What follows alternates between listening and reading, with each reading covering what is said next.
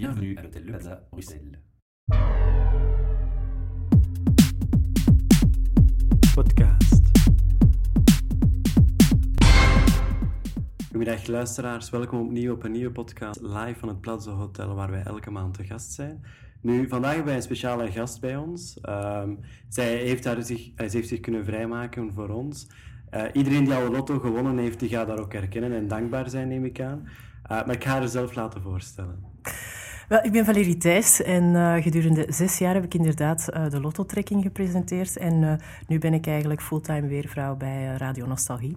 Nu, vandaag gaan we even praten over het beroep zelf. dus voor, voor de mensen die luisteren, die graag ook die richting willen uitgaan. Ja, u hebt ook gezegd van nu bent u weervrouw. daarvoor hebt u dan bij de Lotto gewerkt.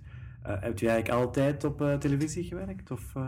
Nee, ik ben eigenlijk na school, zoals iedereen, gaan studeren aan de universiteit. Dat is niet zo fantastisch goed gelukt op dat moment. Um, en dan ben ik gaan werken eigenlijk voor Sabena. Daar heb ik gewerkt tot aan het faillissement. En dan is er eigenlijk een hele nieuwe wereld, eigenlijk een beetje geluk bij een ongeluk voor mij opengegaan. Ik heb meegedaan aan blokken. En kwam ik in een castingpool terecht op de VRT. En dan hebben ze mij uitgekozen om de lotto te presenteren. Dus heb ik dan gedurende zes jaar gedaan, samen met de Euromillions. En uh, dat doe ik nu nog altijd. Dus de fulltime bezigheid van de lotto is wel verminderd, omdat Sophie de Walen dat nu overgenomen heeft. Maar ik blijf nog altijd de lotto doen, de vervangingen, zowel op de VRT als op de RTBF, dus in de tweelandstalen. Um, en uh, de Euromillions doe ik ook nog twee keer in de week, op dinsdag en vrijdagavond. En daarnaast ben ik dan overdag weervrouw. Um, ik heb bij de RTBF de kans gehad om in 2009 die opleiding te volgen. Uh, ik heb dat ook gedaan. Dat is een uh, vrij zware opleiding, want ik heb totaal geen vooropleiding wat fysica en aardrijkskunde en die dingen betreft. Maar ik heb dus die opleiding gevolgd, met succes afgelegd. Ik ben uh, bij de RTBF begonnen als weervrouw, maar dan ben ik bevallen van mijn dochtertje op dat moment en dat werd allemaal een beetje te veel, want dat waren hele lange dagen. En heb ik ervoor gekozen om voor de radio te gaan werken, omdat ik van thuis uit in mijn studio thuis kan werken. Nu ja, we hebben het daar net ook al even persoonlijk over gehad. Er zijn natuurlijk heel veel vooroordelen over het, werk als presentatrice of presentator. Uh, ik denk aan uh, ja, de Miss uh, die op de tv komen of de journalisten die op tv komen. maar ook daarbuiten dat mensen iets hebben van, ja, ze werken daar vier keer een kwartier op een dag. wij werken hier acht, negen, tien uur per dag. maar dat is eigenlijk een verkeerde beeld, als ik het goed begrijp. Dat is inderdaad een verkeerd beeld, omdat um, media vergt heel veel flexibiliteit. Wat mensen zien is wanneer wij op televisie zijn, en dat is dan meestal uh, in primetime of voor het nieuws, of het nieuws uh, het nieuws. En dan denken ze van, oh ja, dan is het werk ook gedaan. Als ik mijn televisie uitzet, is het gedaan. Dat is dus helemaal niet zo. Um, nu, in sommige takken van de media moet je ook niet acht uur of twaalf uur aan een stuk werken, maar sommige opnames vergen inderdaad heel veel tijd en vreemde uren. Soms moet je... Ik heb achter de schermen gewerkt, ik heb televisieproductie gedaan bij Goedele Liekes in haar productiehuis.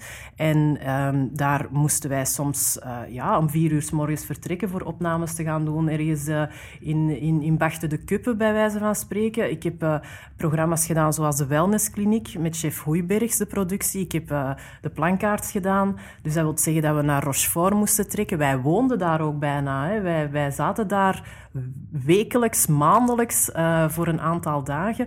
En um, ja, dat vergeten mensen vaak, is dat er een hele, een hele andere kant productionele kant bij komt kijken en niet alleen die, die, dat uur of die 50 minuten of die 15 minuten dat je op televisie bent. Nu ja, sowieso heb je ook al aangegeven, flexibiliteit is zeker een belangrijke troef die je moet hebben als je in de media wil werken. Ja. Uh, welke competenties zijn, zijn nog uh, belangrijk? Want ja, studies, ja, je hebt ook eigenlijk via een ander kanaal uh, binnengeraakt. Ja, ik heb... Um, ja, absoluut geen studies in die richting gedaan. Ik heb geen communicatie gedaan. Ik, heb dus eerst bij Sabena gewerkt en daarna heb ik mijn studies terug opgevat. Ik heb dus kunstgeschiedenis gedaan, edelsteenkunde, juwelier goudsmit. Um, en toch ben ik daar ingerold. Uh, langs de ene kant is een verrijking, want je, je, je focust je niet alleen op alles wat communicatie, media, kranten, televisies en entertainment.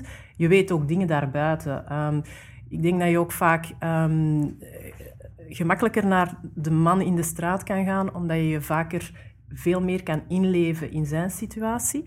Um, maar andere competenties en dingen die je zeker moet hebben buiten die flexibiliteit. Studies is altijd een plus, maar ik denk niet dat je per se communicatie of journalistiek moet gestudeerd hebben.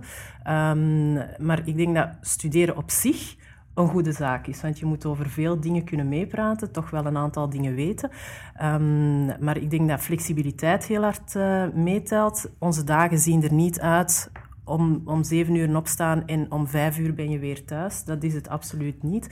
Um, je moet ook een olifantenvel hebben langs de ene kant, want je doet mee aan verschillende castings voor verschillende programma's, maar je wordt soms geweigerd en dat is meer weigering dan eigenlijk een ja krijgen. Dus dat komt er ook bij kijken.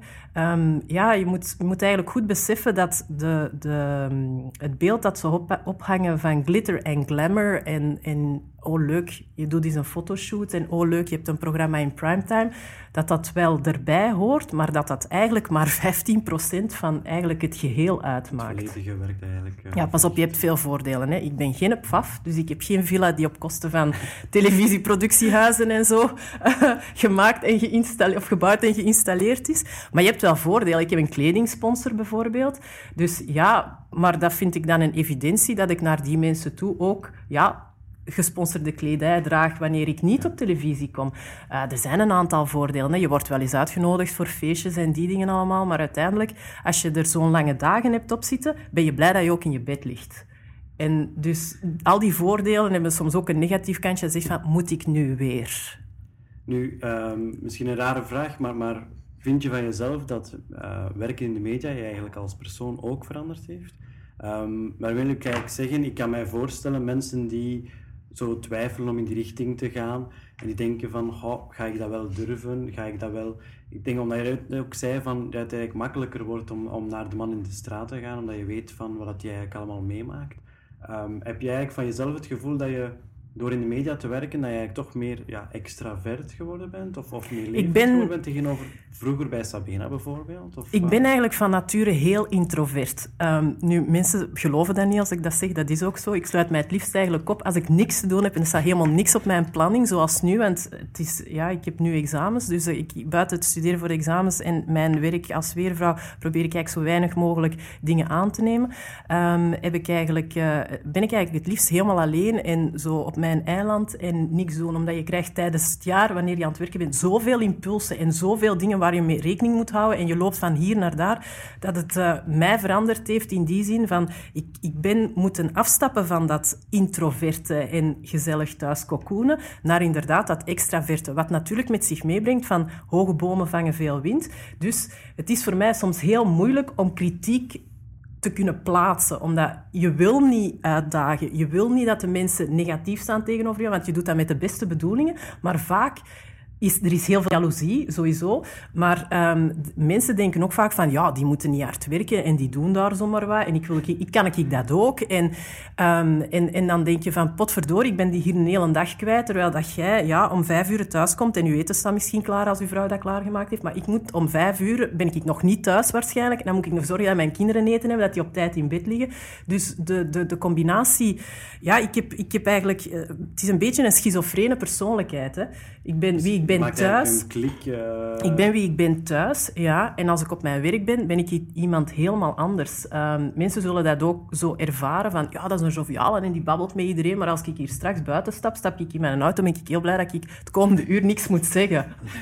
zo is het ook. Ja, ja, dat, zijn, uh, ja dat is een soort van, van werk en privé toch gescheiden houden. Uh, maar niet enkel in, in uren, uh, laten we zeggen, maar, maar ook eigenlijk mentaal. Ik heb ook bijvoorbeeld twee profielen op Facebook. Een privéprofiel voor mijn vrienden en familie en een publiek profiel.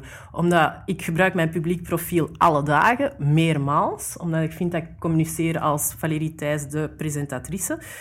Mijn familie, die, die weten dat als die ene keer per maand op Facebook zit om de foto's van het laatste familiefeestje erop te zetten, dan is het al veel geweest. Dus er is eigenlijk wel ja, zo een beetje die spanning tussen ja, de publieke figuur Pas op, als ik in de koolruit sta en, en, ik, uh, en ik rijd met mijn kar uh, en er vraagt iemand iets aan mij, zal ik altijd heel vriendelijk antwoorden. Daar gaat het niet over. Dat is elementaire beleefdheid. En ook als ze vragen stellen over televisie en als mijn kinderen erbij zijn en dit en dat, ik, ik verstop die ook niet. Ik verstop mezelf ook niet. Maar het is wel, er is een beetje een dualiteit tussen de twee persoonlijkheden, ja. Ja, ik, ik, persoonlijk volg ook altijd het weerbericht eigenlijk liever via Facebook dan uh, dat ik het nieuws bekijk. Dus elke morgen zullen wij ook een vast ritueel even naar het weer kijken, dat je dan op dat moment ook gebeurt.